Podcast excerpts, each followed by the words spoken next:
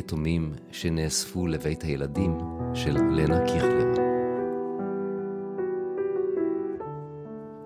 עורך ומגיש עופר שמיר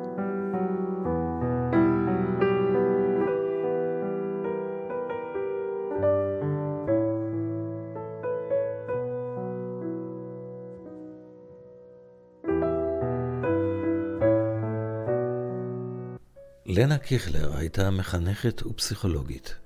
לפני פרוץ מלחמת העולם השנייה עבדה לנה כמורה ולימדה בסמינר למורים יהודיים בפולין. לנה הצליחה להסתתר ולשרוד את תלאות המלחמה. בסיומה, בעודה מחפשת אחר קרוביה, היא הגיעה לבית הוועד היהודי בקרקוב, בו גילתה עשרות ילדים יתומים מהשואה שהיו במצב גופני ונפשי קשה. היא אספה את הילדים העזובים והקימה עבורם בית החלמה ששימש מוסד חינוכי ותחליף למשפחה שעבדה. לנה אספה גם ילדים יהודים ממנזרים, ואף פדתה בכסף ילדים שהוסתרו אצל איכרים פולניים. לאחר שפורעים תקפו את בית הילדים, הבריחה לנה את כל דיירי הבית אל מחוץ לגבולות פולין, בדרכם לארץ ישראל. בסדרת ההסכתים "הילדים של לנה" הבאתי עדויות של ילדים ששהו בבית הילדים שלה וסיפרו את קורותיהם בשואה. הפעם אני מבקש להביא את סיפורה של דינה איתן, ובשם ילדותה ג'וניה ציפר. אימת השואה נחסכה ממנה. היא הוסתרה בחסדי זרים ונשאה עימה סוד כמוס. השיחה התקיימה בשנת 2014. אני חוגגת יום הולדת ב-9 ליולי. לא יודעת מי נתן לי את התאריך הזה, לא זוכרת. זה התאריך שאני חוגגת. אני נולדתי או ב-39 או ב-40. לאבא שלי הייתה דרוגריה, כמו בית מרקחת ופרפומריה. וכשהייתי בת שנתיים, הגרמנים נכנסו ללבוב. ואז ההורים שלי מסרו אותי למשפחה פולנית. אני לא זוכרת את ההורים שלי, כלום. רק אני זוכרת שהייתי אצל המשפחה הפולנית, היו שם שלושה. הסבתא, אישה מבוגרת, הבת שלה והחתן שלה. אני לא זוכרת גם את הפרצופים שלהם. והיה להם בית מרזח, וכנראה חיילים גרמניים היו באים לשם. ובעלה של הבת של הפולניה היה לוקח אותי על הכתפיים והולך איתי, כאילו תוך כדי סוג של ריקוד היה הולך כמה צעדים קדימה וכמה צעדים אחורה, ואני, היום אני מבינה שהוא היה שיכור. אז לא ידעתי מה הסיבה, ואני זוכרת שזה הפחיד אותי. והפולניה הייתה מכריחה אותי לאכול בצל מבושל ופטריות והייתה אומרת לי שאם אני לא אוכל אז יש מכשפה על הגג שתבוא ותיקח אותי. היום אני מבינה שבצל זה היה דבר זול ופטריות גדלו ביער הקרוב והיו קוטפים את הפטריות ואוכלים אותם. ואני שנים לא אכלתי את זה כי זה עורר בי את הזיכרונות הרעים האלה. ואני נראיתי פולניה מושלמת, הייתי בלונדינית ועיניים, אני לא יודעת אם כחולות או ירוקות, אבל לא כהות. וחייתי שם כנראה כמה שנים, אבל ידעתי את כל התפילות ה... פולניות. לפני השינה הייתי קורעת ברך ומתפללת. אני אפילו זוכרת את המילים של התפילה הזאת. אחרי המלחמה הארגונים היהודיים התארגנו שם ועזרו לניצולים. ידעו איפה יש ילדים יהודיים, אצל איזה משפחות ובמנזרים, וכשבאו לשם אנשים מבוגרים אז ביקשו מהם שילכו לשם ויגידו שהם קרובי משפחה של הילדים האלה. כי אחרי המלחמה, כשלבוב נכבשה בחזרה על ידי הרוסים, אז הרוסים לא נתנו להוציא ילדים רק אם מישהו אמר שהוא קרוב משפחה שלהם. וככה הגיעה לשם אישה שהיא והבת שלה ניצלו במלחמה ובעלה והבן שלה נספו. כשפרצה המלחמה הם נפרדו והחליטו שיהיה להם יותר קל להינצל בנפרד. הסתירה אותם גרמניה במנזר והיהודייה הזאת היא הייתה תופרת מעולה והיא תפרה מדים לצבא הגרמני ובזכות זה היא ניצלה. כשהיא הגיעה לשם אז ביקשו ממנה שהיא תלך לפולניה הזאת ותגיד שהיא קרובת משפחה שלי ותוציא אותי. וכשהיא באה לפולניה, כשאני אומרת הפולניה זה המבוגרת. כשהיא באה אליה ואמרה לה שהיא קרובת משפחה שלי, והפולניה כנראה נתנה לה את כל הפרטים עליי.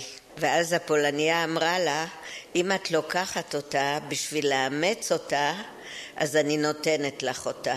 אבל אם את לוקחת אותה בשביל למסור אותה לאיזה בית יתומים, אז אני לא נותנת לך אותה. אז היא אמרה, כמובן שאני לוקחת אותה כדי לאמץ אותה, ויש לי רק בת אחת, וככה אני הגעתי אליה, ואני זוכרת שהלכתי איתה ועם הבת שלה, הייתה לה בת, נגיד אם אני הייתי בת חמש, אז הבת שלה הייתה משהו כמו תשע, עשר, הייתה מבוגרת ממני, וכנראה שהיה גם ממה להסתתר עדיין. היינו באיזה מקלט, ואני זוכרת שהן היו יוצאות לפעמים החוצה, ולי, היא אמרה לי שאסור לי לצאת החוצה, כי יכולים לקחת אותי. והן היו מאוד נחמדות אליי. כנראה שזאת הייתה האישה הראשונה שאני פגשתי מחוץ למשפחה הפולנית. וכשהרגשתי שאני יכולה לתת בה אמון, אז אמרתי לה יום אחד, זה אני לא זוכרת, זה היא סיפרה לי יותר מאוחר. היא אמרה לי, אני רוצה לספר לך סוד, אבל אל תגלי את זה לאף אחד, אפילו לא לבת שלך. ואמרתי לה, אני יהודייה. ואז היא אמרה לי, ואני אגלה לך סוד עוד יותר גדול, שגם אני יהודייה. והיא סיפרה לי שאני הסתכלתי עליה כאילו שהיא נפלה מהירח, כי אני לא האמנתי שיש עוד מישהו בעולם שהוא יהודי, כי אני ידעתי שזה רק אני, ואסור לי לדבר על זה. וסיפרתי לה את זה. היא הייתה צריכה בעצם להתחיל לדאוג לעצמה ולבת שלה, כי היא בסך הכל עשתה טובה לארגונים היהודים והוציאה אותי מהמשפחה הפולניה. ואז היא הביאה אותי לארגונים, שהארגונים היו בקרקוב, ומקרקוב הגעתי למקום שנקרא רפקה. עד כמה שאני יודעת, אז זה אומנם היה אחרי המלחמה, אבל הפולנים, כשהם ידעו שיש שם ילדים יהודים, אז הם היו תוקפים את הבית באבנים, ואפילו היו שם גם יריות. ברבקה אני זוכרת שבאמצע הלילה העירו אותנו ואמרו לנו להיות בחדר המדרגות, ואני לא יודעת למה, אבל... ואז מרבקה, עם לנה קיכלר לזקופנה. עכשיו, איך נראה בית הילדים שלי? לא זוכרת. אני ממש לא זוכרת. זוכרת את הנסיעה? כן, אנחנו נסענו בשלושה אוטובוסים ולא היו לנו מספיק רישיונות מעבר.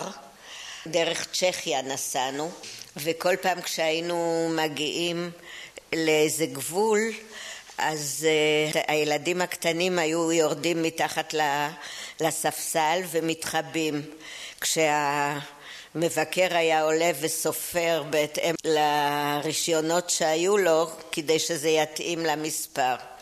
ואני תמיד הייתי בין אלה שהיו מחביאים אותי מתחת לספסל. וכשאני לא זוכרת כמה זמן זה לקח לנו הנסיעה הזאת באוטובוסים, אבל אני זוכרת ש... כשהיינו מגיעים לבית מלון או אכסניה, אני לא יודעת מה זה היה בדיוק, אז אני תמיד הייתי ישנה עם לנה במיטה. ואני זוכרת שהייתה ללנה, הייתה לה מראה כזאת אה, מגדילה, כמו, כמו זכוכית מגדלת, ואני נורא פחדתי להסתכל במראה הזאת, זה היה כזה מפחיד. אני הייתי בבית ילדים שלה, זוכרת את, את הבית בבלוי כשהיינו בצרפת. בבלוי היינו, אני חושבת, משהו כמו שלוש שנים. אחרי שברחנו מפולין דרך צ'כיה והגענו לצרפת, הגענו לבלוי. ואני לא אשכח את זה שהיינו עומדים שם, אני זוכרת, בקומה גבוהה, והיינו משחקים בג'ולות, והיינו זורקים ג'ולות מלמעלה. והבית הזה נראה לי כל כך גדול, וכשאני זוכרת ש, שכל הילדים היו רצים והיו שם מדרגות ו, ולימדו אותנו את שירי החגים, אה, למדנו שם עברית, זה אני זוכרת שלמדנו עברית. ואני חייבת להגיד שכשאנחנו הגענו לקבוצת שילר, אז אני מיד אומצתי על ידי משפחה בקיבוץ שהייתה להם בת בגילי ובת שנייה טיפה יותר צעירה ממני ובן. ואני התאקלמתי מהר מאוד, כל המשפחה שלהם נספתה בשואה והם אה, שנאו את הפולנים ולא רצו לדבר איתי בכלל פולנית והם מצאו את האדם המתאים, כי אני ממש לא רציתי לדבר פולנית, רציתי כמה שיותר מהר להיות כמו כל ילדי המשק. ובהתחלה היו ילדים מהקבוצה שלנו שמצאו קרובי משפחה. בן אחד מצא את אבא שלו באקוודור, ושנייה מצאה את אחיה בניו יורק, ואני, זה היה לי סיוט אני פחדתי שאני אמצא מישהו מהמשפחה שלא הכרתי ולא היה לי למי להתגעגע ונקלטתי מאוד יפה בקיבוץ ורציתי לשכוח את מה שהיה. היום אני מתרגמת את זה למילים, אבל זה בפירוש ככה היה. שאני לא רציתי למצוא מישהו מהמשפחה, כי פחדתי שיקחו אותי מהקיבוץ. והאישה הזאת שהוציאה אותי מהפולניה, היא כנראה שמעה שאני בזקופנה והיא הגיעה לזקופנה ואמרו לה שהילדים כבר לא פה. משהו ייסר אותה שהיא הבטיחה לפולניה שהיא לא תמסור אותי. והיא גם קצת כנראה התקשרה אליי. וזהו, והיא בינתיים שלחה את הבת שלה, היה טרנספורט של ילדים ללונדון. הייתה רכבת. אז uh, היא שלחה את הבת שלה ללונדון, והיא ניסתה כנראה עוד uh, כמה, כמה שבועות לחפש את בעלה ואת, ה, ואת הילד. וכשהיא לא מצאה אותם בכל המקומות שהם יכלו להיות, אז היא נסעה גם ללונדון. ושם בהתחלה היא הייתה תופרת, במקרה היא הייתה אישה מאוד נאה, והכירה איזה יהודי פולני שאחרי המלחמה גם הגיע ללונדון והיא התחתנה עם האדם הזה הוא היה אדם מאוד מאוד מבוסס כנראה חיה איתו תשע שנים ואחרי תשע שנים הוא נפטר והשאיר לה את, את כל הרכוש.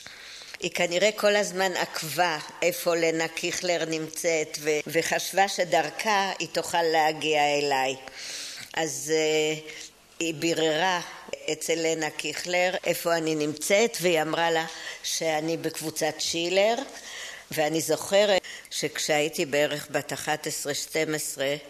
היא הגיעה ארצה פעם ראשונה אחרי המלחמה וישר חיפשה אותי והגיעה לקבוצת שילר וכשהיא הגיעה אז היא פגשה בחצר בדיוק את האבא המאמץ שלי. אז היא שאלה אותו, אתה מכיר פה ילדה בשם ג'וניה ציפר?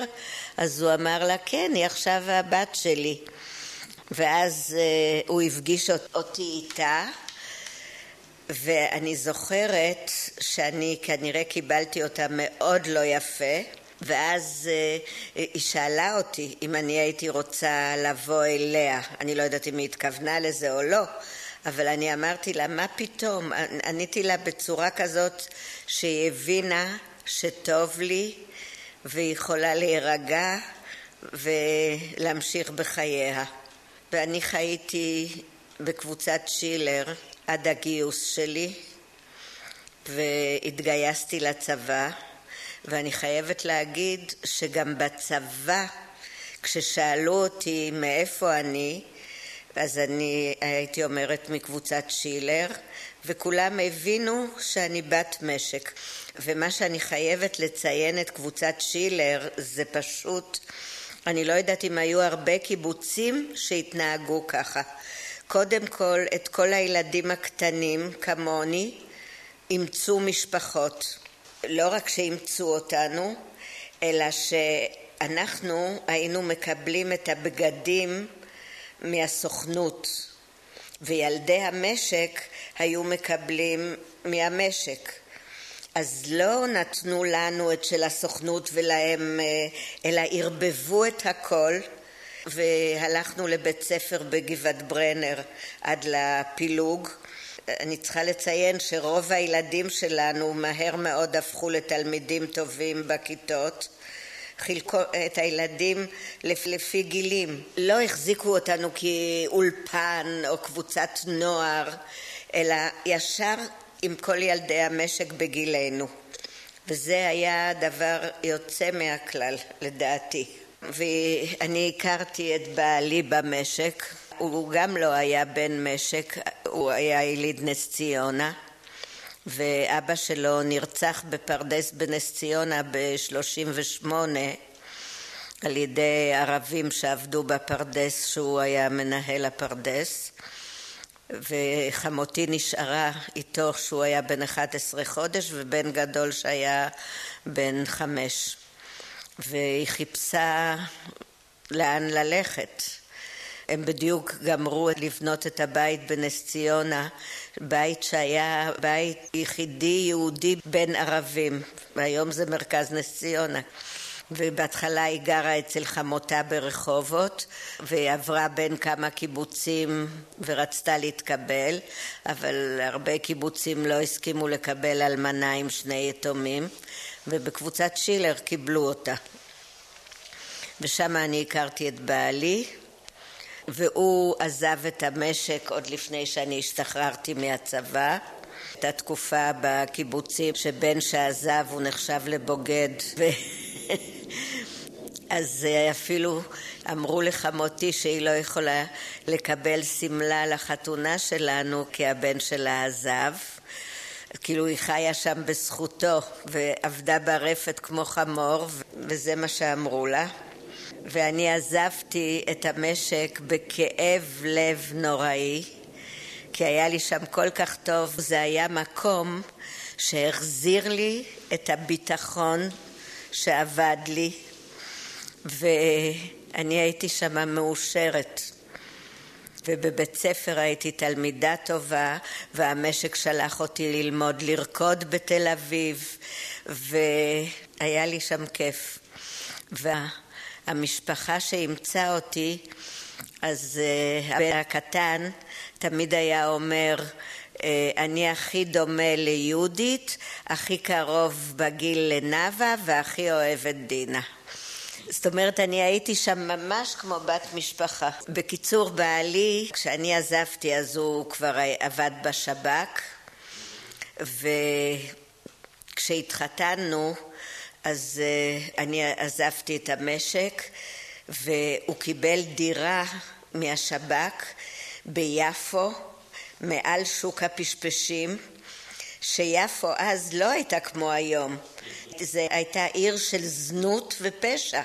ולעבור מקבוצת שילר זה היה כמו מחממה לעבור לשטח הגדול ביפו. אני פעם ביקשתי שוטר שילווה אותי מכיכר השעון עד, עד לבית שלנו. וזה היה בית, הוא עומד עד היום, זה היום אכסניית נוער ממש ממש מעבר לכביש של שוק הפשפשים. בקיצור, אנחנו היינו שם משפחה יחידה בכל הבית הזה. והדלתות והחלונות חרקו שם, זה היה בית ערבי עזוב. ובעלי עבד בלילות, אני עבדתי ביום, ואני גמרתי סמינר למורות, למדתי שנה אחת בצבא, ואחר כך שנה שנייה כשעבדתי כבר במשק. אני אה, חזרתי להיפגש עם לנה אחרי שילדתי את הבת הגדולה שלי בגבעתיים. אני זוכרת כילדה קטנה שהיא הייתה אה, אומרת שכשהיא תסדר את כל הילדים בישראל אז היא תאמץ אותי ואני אהיה כמו בת שלה. ואני עד היום מודה על זה שזה לא קרה. כי אני, כל כך היה לי טוב בקבוצת שילר, שאני מאוד שמחה שאני גדלתי שם. ואז בשלב מסוים נסענו בשליחות לפריז. וכבר הייתה לנו ילדה, ושם ילדתי את הבת השנייה שלי. וב-67' מצלצלת אליי מישהי לדירה בפריז ואומרת לי באנגלית, אני מיסיס אברהם, אני הוצאתי אותך מהמשפחה הפולניה ואני באה מישראל, שמעתי שאת נמצאת בפריז, אז לא נסעתי ללונדון ישירות, אלא החלטתי לעבור בפריז ולראות אותך. את זוכרת אותי? אמרתי לה, בטח שאני זוכרת אותך. אז כבר הייתי ב... כבר לא פחדתי שיקחו אותי, כן? אז אה, אמרתי לה, אני זוכרת אותך ואני זוכרת גם את הבת שלך שקראו לה לילית. אה, ואני אשמח מאוד להיפגש איתך. והלכנו לטייל עם הילדה לגן השעשועים שם, ואז היא סיפרה לי איך שאני הגבתי כשהיא לקחה אותי, כשהתקשרתי אליה, שסיפרתי לה שאני יהודייה. היא סיפרה לי את זה, אני לא, לא ידעתי את כל הסיפור הזה. והיא אמרה לי, את היית בת חמש והיה לך שכל של בת חמש עשרה. אבל אני מבינה את זה כ, כמשהו שילד שיש לו כנראה יכולת הישרדות לפעמים כמו למבוגר. כי העניין הזה שאני, שאני אמרתי לה שאני יהודייה ואני הצלחתי לשמור את זה בסוד, זה, מה זה מראה על יצר הישרדות. ו, ומאז משנת 67. היא הזמינה אותי לבוא ללונדון, ואני אז הייתי בחודש השמיני עם הבת השנייה, ונסעתי אליה ללונדון. והיא לקחה אותנו, את שתינו, ל Selfridges ול Marks and Spencer וקנתה ליעל את כל הבגדים שלה ולא יד, פשוט לא ידעה מה לעשות איתנו, יצאה מגדרה כאילו שהמצפון איסר אותה כל השנים שהיא מסרה אותי, למרות שלא היה לה שום קשר אליי, שום קשר אה, משפחתי. אני הייתי לגמרי זרה לה, רק ביקשו ממנה לקחת אותי, וכנראה שהיא נקשרה אליי. ומאז אנחנו, היא והבת שלה והנכדה שלה, וכל החיים מאז אנחנו היינו כמו משפחה. דרך אגב, שהצשיה הזאת מלונדון כל השנים אמרה לי חבל שלא ביררנו את השם של הפולניה הזאת כי היינו יכולים לעזור לה כל החיים על זה שהיא החזיקה אותך. כי היו משפחות פולניות ש... שיהודים שילמו להם הרבה כסף להחזיק ילדים והם מסרו את הילדים לגסטאפו אז מאוד חבל שלא עזרנו לה כל השנים, לאישה הזאת. לדינה איתן שתי בנות ושבעה נכדים. השיחה הוקלטה בביתה במושב ביצרון בשנת 2014.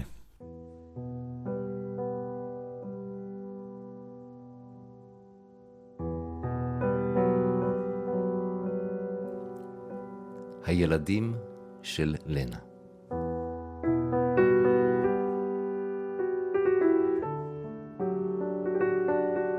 שיחות עם היתומים שנאספו לבית הילדים של לנה קיכלר. עורך ומגיש עופר שמיר